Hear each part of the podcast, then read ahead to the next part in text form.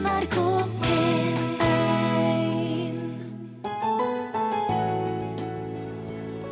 I 1161 så reiste Øystein av Nidaros til Roma for å vigsles til biskop. Samtidig så fikk han med seg til den første tida i Erkeset i Trondheim en finger av Sankt Peter. Det ligger en kroppsdel inni alteret i kirka til denne her presten. Liten bit av en finger. Du ser liksom beinstrukturen inni der. Ja, Ja. skulle gjerne ha fått den her testa lite grann. Mest på alder. Margrethe Nåvik heter jeg. Om det er apostelen Peters finger som ligger i alteret, det er det ingen som veit. Uansett så betyr fingeren noen ting for kirka den ligger i. Vi fikk komme inn og se i Alstahaug kirke i Levanger. Så jo, jeg kan vise fingeren.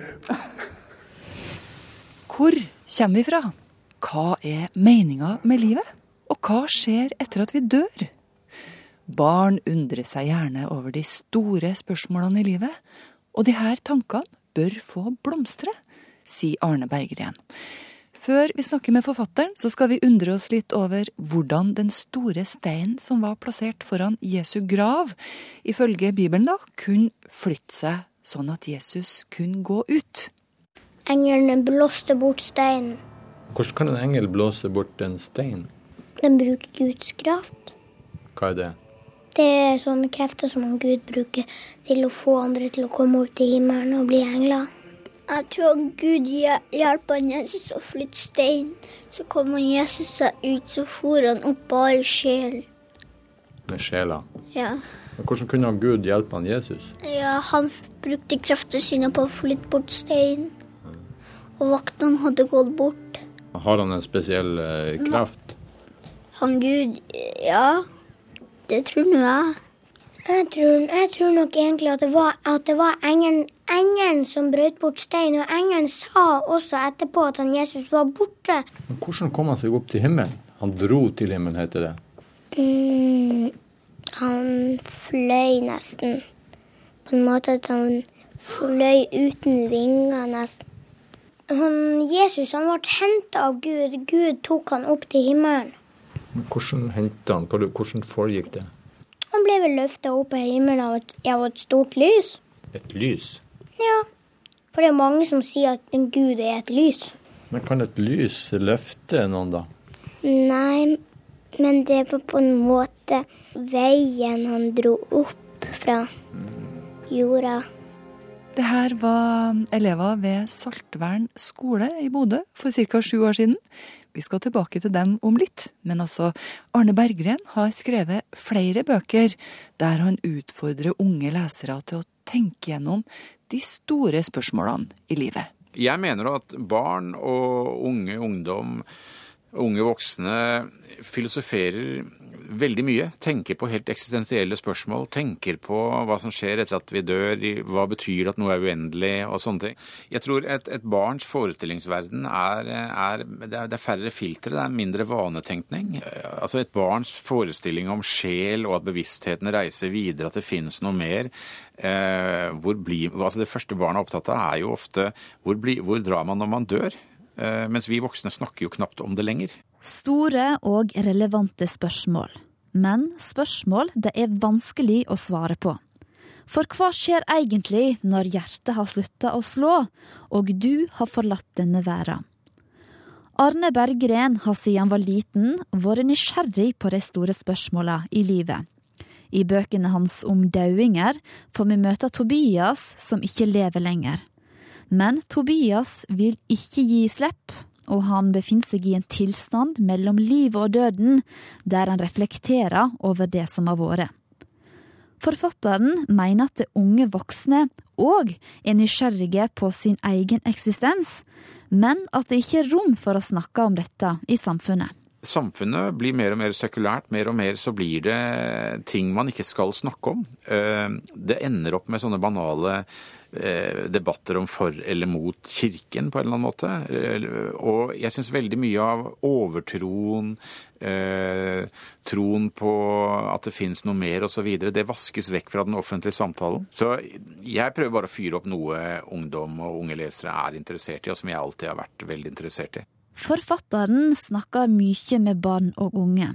Han ønsker å dyrke nysgjerrigheten deres, og inspirere dem sjøl til å finne svar på det de lurer på. Barn og unge vil jo ha svar, og de vil veldig ofte ha svar fra voksne. Men kanskje den, fra man går i barnehagen til man kommer til fjerde-femte klasse, så man, tror jeg man er eh, mer åpne, og så begynner man å danne seg sine egne meninger. Men barn er, er snille og tillitsfulle, og de lar seg ofte dytte på andres meninger. Det skal vi være klar over. Så den derre undringen som vi ofte tar fra dem når vi gir dem to streker under svaret, det, det syns jeg er synd. Jeg tror vi oftere skal forklare barn og unge ting og spørre men hva tror du? Hva syns du? At du stiller det mer åpent til, at ikke det er gitt et svar på det som barna går og tenker på. Ja, bevare nysgjerrigheten hos barnet. Og jeg sier med vilje ikke kreativiteten, for det er et misbrukt ord, men det at man er nysgjerrig og åpen og, og, og pågående og vil vite mer, og ikke tror at det er to streker under alle svar, det, det er en grunnleggende, grunnleggende gave som mennesket har fått, og som jeg tror vi, vi tar fra barn litt for tidlig. Arne Berggren har sjøl vært et søkende menneske i hele sitt liv, og det hele starta i barndommen. Jeg vokste opp i en, en familie som, som, som, var ganske åpne for religion, at det fantes noe mer. Eh, min bestemor var vel en slags skapkatolikk og billedkunstner, drev med mye kirkekunst. Eh, faren min var mer opptatt av tankelesning og tankeoverføring og sånne ting enn han egentlig var av, av kirken, men, men alltid hatt en sånn åpenhet. Da broren min døde da jeg var 16, så, så ble jeg nok intenst mer grublete på hva som skjer etter døden. I åra som fulgte, lette Arne Berggren etter svar i mange religioner, før han fant katolisismen. Har du fått et bedre liv etter at du gikk inn i katolisismen? Ja, det tror jeg ville si. For jeg har fått en retning på det. Jeg vet jeg, jeg, har noe verktøy som jeg kan bruke. Og det bruker jeg oftere enn jeg hadde trodd. Og jeg tror at det koker ned til når ting er veldig, veldig vanskelig, Om man ikke som menneske kan fikse det man er oppe i, så er det veldig ok å kunne sette seg en stol, folde hendene eller lukke øynene og rett og slett be.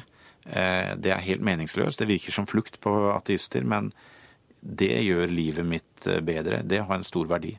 Du er jo tilhenger av katolisismen. Er det den du ønsker at de unge skal oppdage? Nei, jeg tror man må finne, ut, finne der, der, man er det som er lettest, det som er kulturelt enklest. Det tror jeg. Det er ett fett hva det er, tror jeg, så lenge man, man, man er søkende og nysgjerrig. Hvorfor skal en tenke så mye over de store spørsmålene i livet? Har ikke en nok å tenke på i en hektisk hverdag? Kanskje man ikke skal tenke og gruble gjør det vanskelig å slite med det. Men, men jeg tror man må ha en eller annen sånn nysgjerrig ydmykhet, tror jeg, for å jeg, jeg vet ikke. Jeg, det er kanskje her, her jeg ikke har svarene. Men det er når jeg ser gamle folk som sitter i en fluktstol og ser ut og lar seg forundre over hvor vakkert det er ute, uansett om det er i en fluktstol på E18 midt i sommerferien eller om det er på, på fjellet i påsken de har en visshet om at alt er uforklarlig og stort, og en begeistring for hver dag. En blanding av en visshet og en ydmykhet eh, som jeg misunner eh, mennesker når jeg ser at de, de har det. Eh, det å gruble i seg selv og gå rundt med rynket panne og lure på om Gud fins, det tror jeg ikke har noe stor verdi. Men klarer man å være begeistret og takknemlig, kanskje det er så viktig, at man er takknemlig og ydmyk samtidig som man er nysgjerrig. Kanskje det, det må til grubling i seg selv er vel eh, kanskje ikke så fruktbart i lengden. Det sa forfatter Arne Berggren til reporter Camilla Kjønn Tingvoll. Berggren mener også at barn og unge må få rom til å reflektere over de store spørsmålene i livet. Han er for tida aktuell med ny bok i serien om dauinger, og forteller at i løpet av mai måned så skal han ut på turné og møte over 1500 barn i ulike deler av Norge til en prat om de store mysteriene i livet. Og det kan jo kanskje høres sånn ut? Men så heter det at han sitter der oppe, gjør det ikke det? At han sitter der oppe? Sammen med sin far som en gud. Ja. Men hvordan kan han sitte oppe i himmelen? Det er jo bare luft der. Sjela hans den trenger ikke luft, den lever uten at så han, så han lever sammen med Gud. Han Gud har ikke sjel, han er bare en slags eh, ting som er oppi, men ingen vet hvordan han egentlig er. At um, Jesus kan, kan sikkert sitte der på grunn av at han, på grunn av at, de at han Gud har vel, har vel et palass der oppe i himmelen sin. Så det er sikkert der inne. Er det et synlig palass? Nei, jeg tror ikke det. Noen tror også at oppe i himmelen er det en port, og der får man se Gud som hilser på dem. Sånn at sånn Gud tar liksom om på en måte og tar og hilser dem inn i et sånn port. Så får de gå inn, og der bor alle i verden. Men porten er det høyeste, som ingen kan klatre over der. Hva du tror Magnus? Jeg tror nok at det er et palass der de bor. Når man kommer opp til himmelen, så møter man en sånn engel. Og den sier 'vær så god, her har du harpen din, velkommen til himmelen'. Hvor lenge tror dere han blir sittende der oppe i himmelen da, hvis han sitter der i lag med Gud? Han er jo ikke der oppe, han er, er, jo, han er jo egentlig hele tida her nede, da. Ja, er han her nede? Ja. De sier jo at han er overalt. Hvordan kan han være overalt? Mm, han er jo på en måte i alle sine, alle sine hjerter, på en måte. Det høres litt mystisk ut. Ja, det er veldig mystisk. Nå er det jo påske. Tror dere at folk feirer påske fordi at de husker alt dere har fortalt meg nå, eller fordi at de vil spise appelsin? Fordi at du vil spise appelsin. Du tror det? ja. Vi har hørt Magnus Olav Ravnå, Monica Angel og Sebastian Emanuel, elever ved Saltvern skole i Bodø. Det var kollega Bjørn Wang som snakka med de her unge for sju år siden. Nå er de i konfirmasjonsalder, og kanskje reflekterer de fremdeles over noen av livets store gåter. Vi skal undre oss mer, vi, når vi straks går inn i Alstahaug kirke i Levanger, rydde alteret og løfte av bordplata. Under der så ligger det nemlig en finger. Den sies å være fra hånda til apostelen Peter.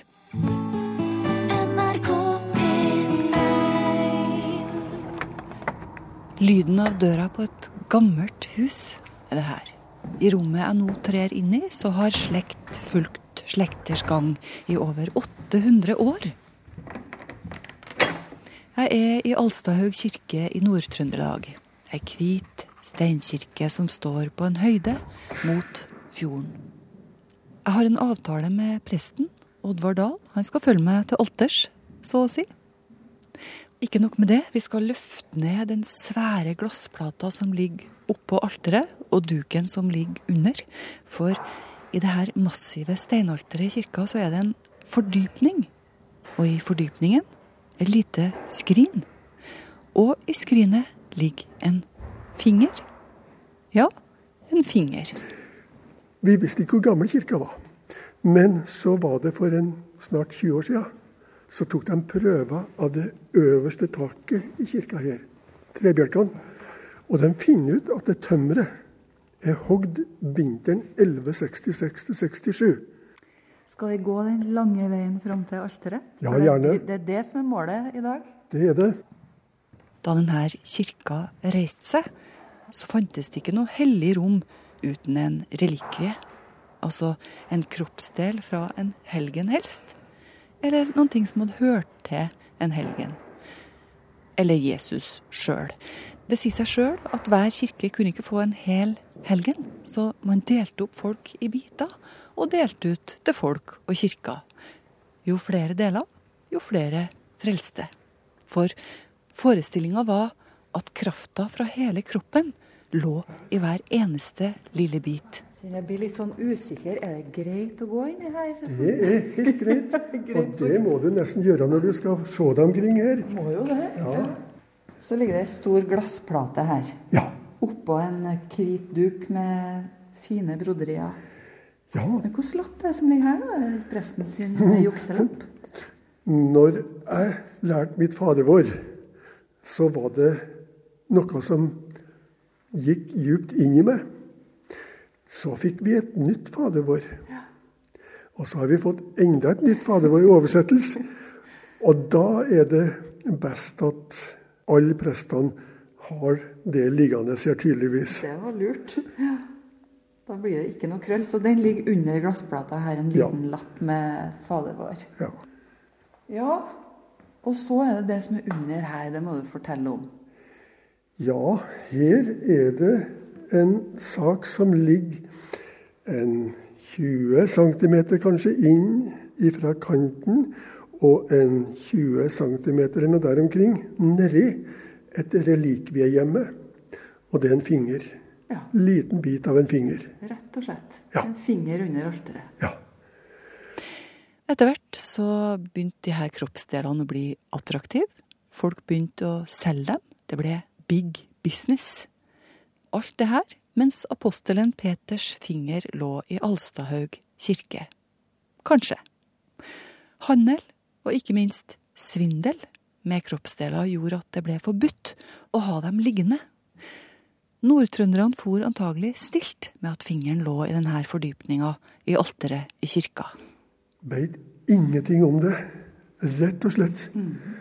Den altertavla her, den kommer jo 1650 ca.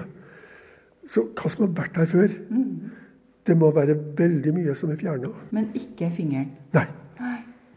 Vi står helt foran i kirka med magen mot alteret, ryggen mot menigheten, som altså ikke er her akkurat nå, sånn som presten pleier å stå når han sier Fader vår. Den var litt ødelagt på den sida. Og når jeg kom ifra min utenlandstjeneste i bl.a. London, og kom hit og fikk høre at det lå en finger her av Peter, da tenkte jeg det der, det er kanskje en sånn en tvilsom historie. Men så har jeg begynt å tenke litt mer på når jeg leser om de forskjellige epokene i historia. Da er det jo den første erkebiskopen. Han må jo til Roma for å hente palliet. Bevis. Det er det bandet, hvite ullbandet med brodert inn kors, som han fikk lagt rundt nakken sin. Det var beviset på at han var erkebiskop. Han var dit nede og fikk det. Samtidig så fikk han med seg til den første tida i erkesetet i Trondheim en finger av Sankt Peter og en dråpe blod av Jesus. Det står skrevet i en eller annen plass? Ja, da må vi til ki- kirkehistoriebøkene. Ja, akkurat. Det var jo bare den tingen at de hadde jo hele kroppen til Sankt Olav, til hellige Olav. Og da var den der fingerbiten til Peter den var ikke så interessant. Hva skulle de gjøre med den? Her den, kom den fingeren. Det er en spennende historie. Den er Det- så god at det er fristende å tro på den, kanskje. Når jeg begynte å tenke meg om, Ja. Så kan jeg tenke meg at det foregikk noe i Roma. For når denne erkebiskopen skulle dra nordover, så langt nord som her, det var jo ultima thule. Da hadde evangeliet kommet til verdens ende. Verdens ende var ikke i øst eller i vest. Verdens ende var i nord. Og når han skulle reise oppover Jeg kan godt tenke meg at det var en idé som kom. Gå ned i krypten. Ta opp en bit av fingrene til Sankt Peter. Send det med denne erkebiskopen. Og så kommer han hit oppover. Oddvar rydder alteret. Den svære bibel og kandelabraen må bort, for nå skal vi se på det som er på undersida. Så her er det rett og slett et hull i alteret, ja. Og oppi her så finner vi relikviehjemmet. En sånn stor sånn klump med gråpapir oppå her, og en liten planke. Og så ser du det sjøl. Et lite skrin. Et lite skrin. Lite og nett. Før var det ei pappeske. Og før det så hadde det nok ikke vært noe eske i hele tatt. Nei. Her er det lagt litt sånn nymotens saker oppå for å prøve å Som gass eller sånt. Ja, Det var veldig overraskende lite. her kan du holde. Kan holde i den, ja? Det er spesielt. Ja, Hvis det er sant, det her, da er Det det spesielt. ja det blir spesielt. Er det tatt noen prøver eller noe sånt av dette her, eller? Skulle gjerne ha fått den der testa lite grann. Mest på alder. Ja. Du ser liksom beinstrukturen inni der. Ja. Ja. Men eh, det er nok vanskelig å få tatt noen DNA-prøve i Vatikanet og i Peterskirken der. Ja. Og sammenligna med Jeg tror aldri det vil bli tillatt en Nei. sammenligning. Nei. Det er jo litt sånn Ja, hva syns du om det? At vi liksom skal ta prøver av alt og finne ut av alt sånn? I noen tilfeller så er det greit for å ta bort en del røverhistorier. Men eh, ellers så tror jeg at det tar bort litt av den følelsen som folk gjerne vil få lov til å ha omkring sitt kirkerom og det hellige stedet. Hva betyr det for deg, da? At dette ligger her? Det er en påminnelse om hvor vesentlig det har vært for folk å komme i nærheten av kirkerommet. Å få gå rundt alteret, få være i nærheten av en slik person i sin tid. Og jeg tror at eh, det er med en andakt og ærbødighet folk går omkring her og ser. Det er ikke som bare en finger som er funnet et eller annet sted. Dette her er noe spesielt med. Eh, Hvilken funksjon vil du si at det har? Er det sånn en forbindelse til Gud? Jeg vil tro at det kan være en ekte og rett slik opplevelse som folk kan få ha. Ja, jeg tror vi trenger litt å gå tilbake og ta med oss noe som vi har mista. Hvordan, altså Når du har herren i handa di, har det noe med Gud å gjøre for deg? Når Jesus sto opp ifra de på påskemorgen, da var det at han sa Dra til Genesa, til Genesa Tiberias, Galilea. Jeg vil møte dere der. Det var de solfylte stedene hvor han hadde de første møtene med disiplene sine. Den grunnleggende gode opplevelser. Jeg har også mitt Galilea. Det rører oss vidda. Jeg gikk en fottur i påska i 63. Skulle bare lufte meg litt før en middag. Jeg ble borte en time, halvannen time. Og da var det klart for meg. Jeg skulle ikke til kjemistudier i Trondheim, men jeg skulle til presteutdannelse. Hvor er du nærmest Gud? Er det på Rørosvidda, eller er det i kirka? Det vil være så helt forskjellig alt etter hvor jeg befinner meg hen. Jeg tok og tente et lys i lysgloben hen og satt litt stille og rolig før du kom. Da var dette her et hellig sted for meg. Det kan være i naturen, det kan være i kirka. Kan det òg være i møte med mennesker, f.eks.? I høyeste grad. Oddvar kjenner nærværet av Gud i kirka, på Rørosvidda og i mennesker han møter. Det er på tide å rydde på plass og gjøre åstedet til et brukende alter til høytidsgudstjenesten i dag, første påskedag. Oddvar legger fingeren varsomt ned i skrinet. Han legger skrinet ned i fordypninga i alteret. Hvis det nå er Peter sin finger her, hva syns du om at kroppene ble delt opp sånn? Det har ikke jeg noen eh, problemer med. Det å vite at eh, de forskjellige disiplene at de kunne avgi en kroppsdel, eh, det var jo en måte å dele med kristne søsken et annet sted. For det var viktig den gangen. Hadde det gått an i dag? Nei, det tror jeg ikke. Jeg Tror det ville blitt sett på som etisk ikke riktig. Har mennesket blitt mer hellig? Jeg tror nok at det er en god del som eh, av respekt for andre ikke vil at sånn skal skje. Og det at vi plutselig skulle få en helt fri adgang til å begynne å ta, legge noen kroppsdeler i én hage, og så kunne noen andre i familien få en annen kroppsdel osv. Jeg tror at vi skal ha det samla.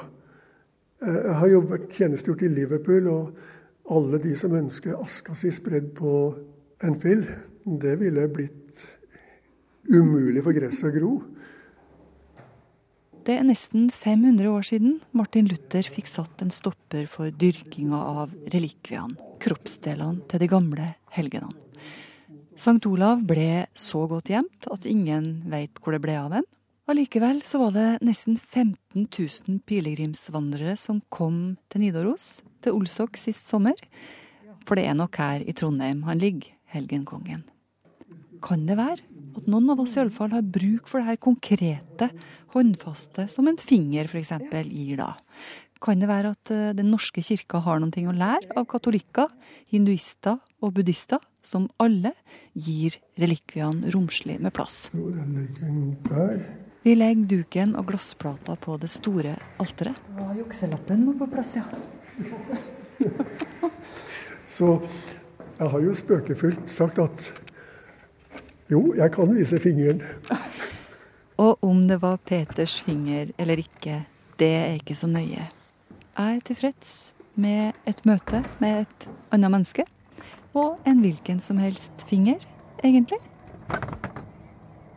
Du hører på Mellom himmel og jord i NRK P1. Miss Lynn Marchment, monsieur. This is a pleasure so unexpected, mademoiselle. So this is for me. Du kjenner kanskje igjen denne stemmen?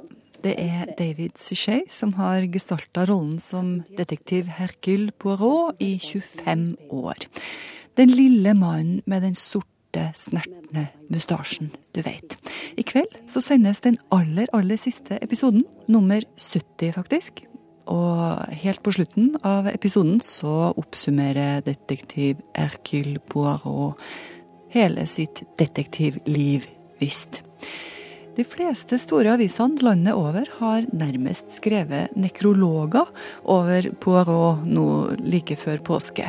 Beundring og nostalgi tyter ut mellom linjene, for nå er det slutt. Men Suchet har andre ting på gang. Han konverterte katolisismen like før han begynte å spille denne rollen for 25 år siden. Og det er litt snedig, for Poirot han er også katolikk. Og hele tida så har skuespilleren hatt en drøm liggende i skuffa. Og nå har han fått oppfylt ønsket sitt. For many, many years felt that I wanted to put my voice to the Bible. Not only bits of the Bible, but the whole thing. Fra å løse mysteria, så har han nå gått over til å lese mysteria. En av de mest berømte detektivene i verden, eller eh, iallfall han som spiller denne rollen, da, han har nå lest inn hele Bibelen. It doesn't say read the word of the Lord. It says hear the word of the Lord. And I, it's my prayer that every, everybody hearing my reading Han ble akkurat ferdig til påske, og det her er å få lasta ned til 39 pund, på engelsk da. Slik lyder Herrens ord, sier Suchet. Og han har tolka det her sånn at eh, det er meninga at vi skal høre Herrens ord, og ikke lese dem. Isaiah chapter 55. Og sånn høres det ut når eh, Hercule Boirot eller David Suchet leser fra Bibelen. Come, all you who are thirsty, come to the waters. And you who have no money, come, buy and eat. Panelet vårt snakker i dag så passende om hva som skjer når det her livet på jorda er over. Panelet. Hallo, jeg heter Zack Livsey. Jeg eh, liker å tilbringe tid sammen med ungdom som er yngre enn meg, og jeg er bahai. Ja, jeg heter Pernille Nylén. Jeg er lege. Glad i å lese. Det er liksom det jeg alltid har holdt på med. Eh, Livssyn så er jeg mm, Jeg vil ikke engang kalle meg ateist. Jeg er på en måte areligiøs. Det religion har aldri vært noe tema. i mitt liv. Jeg heter Arnfinn Christensen, jeg er forskningsjournalist i nettstedet forskning.no, hvor jobben min er å være profesjonelt nysgjerrig og skrive om eh, alt fra det minste minste til det nesten uendelig store. Og jeg er vel det jeg kaller meg selv en udogmatisk kristen. I dag snakker vi om evig liv. Jeg, jeg syns faktisk evig liv høres litt fælt ut. Altså, evig, det er veldig lenge. Ja. Det er et uttrykk som jeg er veldig skeptisk til. Og, og jeg tror at noe av det som er fint med livet, er at det slutter en gang. At, at, noe av det som gjør at vi setter pris på det, at vi vet at jeg har så og så mange år, eller jeg vet jo ikke engang det, men um, jeg har min uh, tid her på jorda. Derfor jeg gjør det beste ut å sette pris på. Det finnes jo veldig, veldig mye å sette pris på her på jorda. Så jeg ønsker ikke å leve evig. Så jeg legger inn litt synder her og der, sånn at uh, jeg ikke skal komme i skade for å komme til himmelen. Jeg vet ikke om det var veldig fælt sagt, eller fornærmende. Nei, jeg synes For det første evig er et, et, ord som er nesten for stort til at jeg kan ta det i munnen. fordi Vi ser jo at kosmologene Nå har det jo nylig vært gjort en oppdagelse som viser de første brøkdelene et sekund etter Big Bang, hva som kommer i andre enden. der der famler eh, fysikerne, og de ber nå om hjelp fra filosofene. Altså det, den evige er et så stort ord at vi vet ikke slutten på det. Og jeg tenker at det som er mye viktigere enn å leve evig, det er å leve akkurat nå, mest mulig intenst. Eh, så får evigheten ta vare på seg selv. Den er for stor for oss. Hva tenker en bahai, eller hva tenker Sak, rett og slett, om det her? Ja, hva tenker jeg? Jeg tror jeg blir det. Ja. Men um evig liv, altså jeg, jeg, tror det er et lite regnskap på bak kulissen her på hver eneste handling vi utfører. Og det vil si, har vi gode handlinger, så blir vi gode mennesker. på en måte. Har vi dårlige handlinger, så blir vi dårlige mennesker. Og det vil vi um, hva skal jeg si, bli oppmerksom på når vi kommer oss videre. For da kanskje legger vi merke til at det, oi, det var andre ting jeg skulle fokusert på. Det her blir kanskje veldig sånn kynisk sagt, men jeg tror at forestillingen om evig liv Eh, kommer av dødsangst. Vi er redd for å dø, det er vi alle. Og vi klarer ikke helt å forestille oss hva som skal skje når vi dør, og vi syns det er vanskelig å tenke at vi bare forsvinner. Så derfor er det, føles det godt og riktig å tenke at det er noen ting etter det. Det, er en dypt menneskelig ting. Og så kan vi diskutere om det er sant eller ikke, det, det får vi jo aldri svar på. Men jeg tenker, det, det er en slags trøst. Uh, men sagt, jeg tror det handler mye om redsel for å dø. Jeg, jeg eh, vil påstå at det motsatte, faktisk. At uh, gleder meg til å dø. Nettopp fordi at uh, da kommer jeg, kommer jeg videre til neste verden. Som vi sa tidligere, evig, det blir kjedelig. Men jeg tenker at nei, se hvor forskjellig denne verden var fra å være i magen mor. Det var vanvittig mye mer spennende. Så jeg kan tenke meg at det neste livet er enda mer spennende. Husker du hvordan det var i magen til mor? Det gjør jeg absolutt ikke. Var det kjedelig? jeg, jeg, skjønner hva du mener. Ja, ja. ja Sakk har brukt det bildet før. At mm. du vet ikke, du forstår ikke den neste verden før du er der.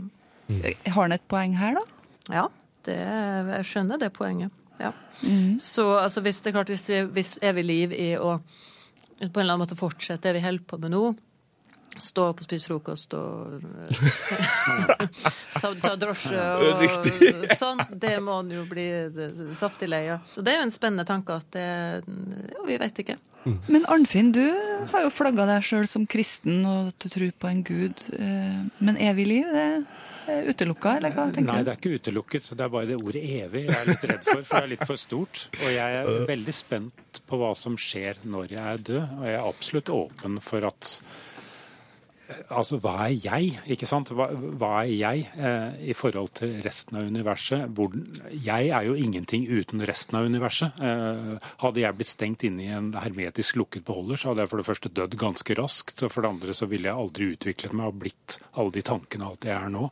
Jeg er på en måte et slags fokuspunkt for hele resten av universet. Det er veld, for meg en veldig spennende tanke. Så det at jeg som organisme dør, for meg så kan jeg iallfall tenke meg at alle disse her trådene som er mellom meg og resten av universet, det, det, er så uendelig komplekst og så uendelig mye mer enn det vi ser i dag. Vitenskapen har bare så vidt begynt å skrape i det. At jeg tenker meg at jeg kan komme til å kunne fortsette. Kanskje på en helt annen måte enn jeg ser for meg nå. Eh, Men det er ikke for meg styrt av dødsangst, selv om jeg ser at dødsangst som du sier, Pernille, har vært veldig mye av den tanken om en slags livsforsikring i det hinsidige, at man skal tro og være snill og, og gjøre som Gud sier. Jeg vil ikke kaste meg ut foran en bil, jeg vil ikke dø, men jeg, jeg, det fyller meg ikke med noen sånn stor angst å vite at jeg skal dø om noen år. Det gjør det faktisk ikke. Jeg, jeg er veldig spent. Jeg, faktisk så tenker jeg litt på av og til Death, the ultimate ride, for å si det litt sånn. Det blir en fantastisk opplevelse, og kanskje er det noe i andre siden. Og jeg kan ikke bli skuffet, for å si det sånn. For er det ikke noe, så blir jeg ikke skuffet. Men, men betyr det at du ikke tror på himmelen kan og det er? Jeg, jeg kan ikke tro på noe jeg ikke vet hva er, like litt som et foster kan tro på fødselen, som Sak sa. Det er, men det er, det er noe spennende der, og jeg har bare, aner bare at det er noe. Men jeg lever ikke livet mitt for å på en eller annen måte sikre meg i forhold til det. Det, det kommer når det kommer, akkurat som et lite foster kan ikke gjøre noe for å prøve å gjøre livet etter fødselen bedre. Nydelig. Kanskje det at hjertet mitt slutter å slå, det betyr kanskje ikke så mye som jeg tror. Når et menneske dør, så lever jo minnet om det i barna eller venner eller uh, slektninger. Ja. Og for noen få, altså det er jo noen få forunt å leve evig i den forstand at vi fremdeles eh, siterer dem uh, 2000 år etter at de uh, sa noen ting. Vil sannsynligvis ikke gjelde for noen av oss fire her. Med mindre vi definerer en ny naturlov eller gjøre et Mm. eller annet eh, skjellsettende. Men vi får iallfall livet fortsette en stund på den måten. Og det tenker jeg det, det er litt godt. At det sånn sett ikke er sånn bang, og så forsvinner du fra jordens overflate, og ingen har hørt om det. Jeg tror på sommerfugleffekten. En eller annen liten ting jeg gjør nå som jeg kanskje ikke er klar over selv engang, så vil det om 2000 år føre til at noen smiler til noen andre, og så forandrer det hele verden. Helt klart. Og hver eneste handling vi gjør, har jo en effekt på mennesket eh, generelt, og verden og alt sammen. Så det er viktig at vi er klar over det. Og så blir jo lyden her liggende i Nasjonalbiblioteket i mange år. Om seks millioner år så er det noen som finner et lite minnekrystall med denne samtalen her. og fått et nytt mot. Men jeg lurer på om vi skal ta med den litt mer sånn konkrete tanken om evig liv. For det er jo noen som mener at vi nå står foran et teknologisk gjennombrudd. At eh, vi kan flytte menneskehjernen inn i en robot etter hvert. Ikke sant? Der har jo jeg opplevd Ray Kurzweil, som er en eh, amerikaner som eh, er fremste eksponent for dette her, som mener akkurat det du sier nå, at vi kan flytte menneskehjerner inn i, inn i datamaskiner. På veldig lang sikt kanskje, men eh, på kort sikt så fungerer en eh, elektronhjerne eller en datamaskin da på en helt annen måte enn menneskehjernen. Den er, den er bygd opp bevisst av oss. Den er ikke evolusjonært frambrakt gjennom millioner av år. Så der er det, tror jeg, eh, på kort sikt en nesten overmodig tanke at vi skal klare å få til noe sånt. Vi har jo allerede fått til sånn proteser som vi kan styre med, med hjernen. En arm er jo en forholdsvis enkel eh, kroppsdel i forhold til hjernen. Altså det er lettere å få hjernen til å styre en arm enn å en plante hele hjernen inn i noe annet. For det er altså så vanvittig eh, komplekst. Det er jo ikke sånn at eh, hjernen er en harddisk som på en måte bare sender ut og styrer resten av maskinen.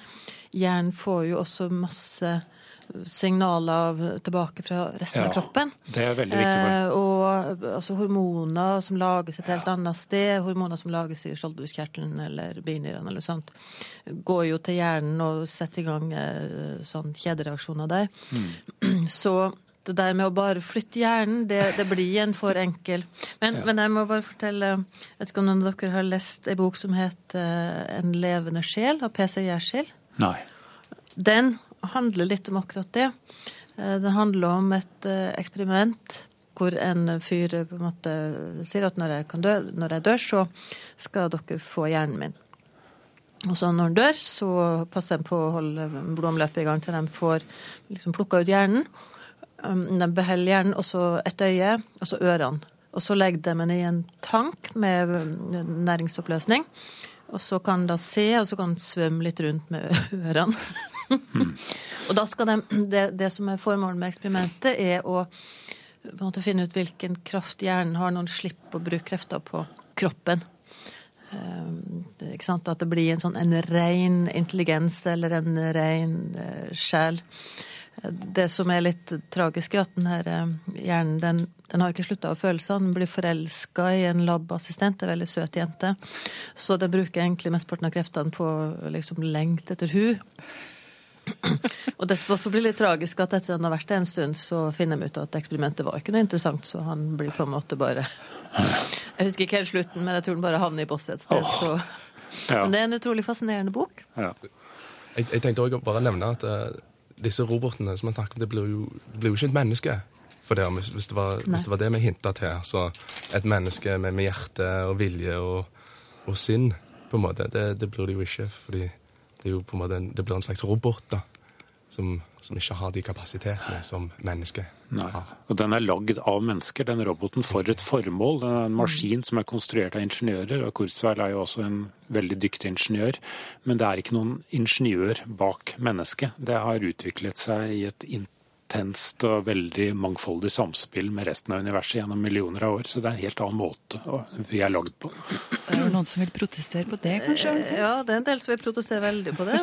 Jo, men det- Verden har bare eksistert i 6000 år, det må nå du vite. Ja, nei, dette her eh, Ja, jeg har, jeg har skrevet en kommentar i forskning.no om dette her. og det er, eh, altså, jeg, jeg vil ikke latterliggjøre de menneskene som mener det, for de snakker i bilder på mange måter. De har Mm. lagd seg bilder som er veldig intense og sterke for dem. Eh, sånn, men, men det viktige med det for meg er at eh, Gud for meg er ikke noe som står utenfor universet, en ingeniør som lager universet. Eh, Det er heller noe som oppstår gjennom universet, sånn som vi har oppstått gjennom universet. Og det er for meg en måte å si du til universet på, da, for å si det sånn. Kan, det høres ut som panelet er enige om at vi dropper det der med hjernen i en robot, og så satser vi mer på handlinger som får den sommerfugleffekten som du snakker om, Arnfinn. Ja, vi er intenst eh, og komplekst sammenknyttet med resten av universet, og tanken om å lage en hjerne i en boks, den er eh, naiv. Ja, det er for enkelt. Det, det er for uh, kjedelig. Ja, og, og det som er skapt, er jo mindre verdt enn skaperen. Ikke sant? Hmm. Så på en måte om du skaper en Hvis du skaper en robot, så er det selvfølgelig det som har skapt roboten. Så får vi høre da, når noen tar ut det her lydklippet om eh, noen hundre år, om de flirer av oss, eller? Ja, det er helt klart. Ja, de kommer nok til å gjøre det. Det er ikke noe som er så morsomt som fortidens spådommer. Hør flere podkaster på nrk.no podkast.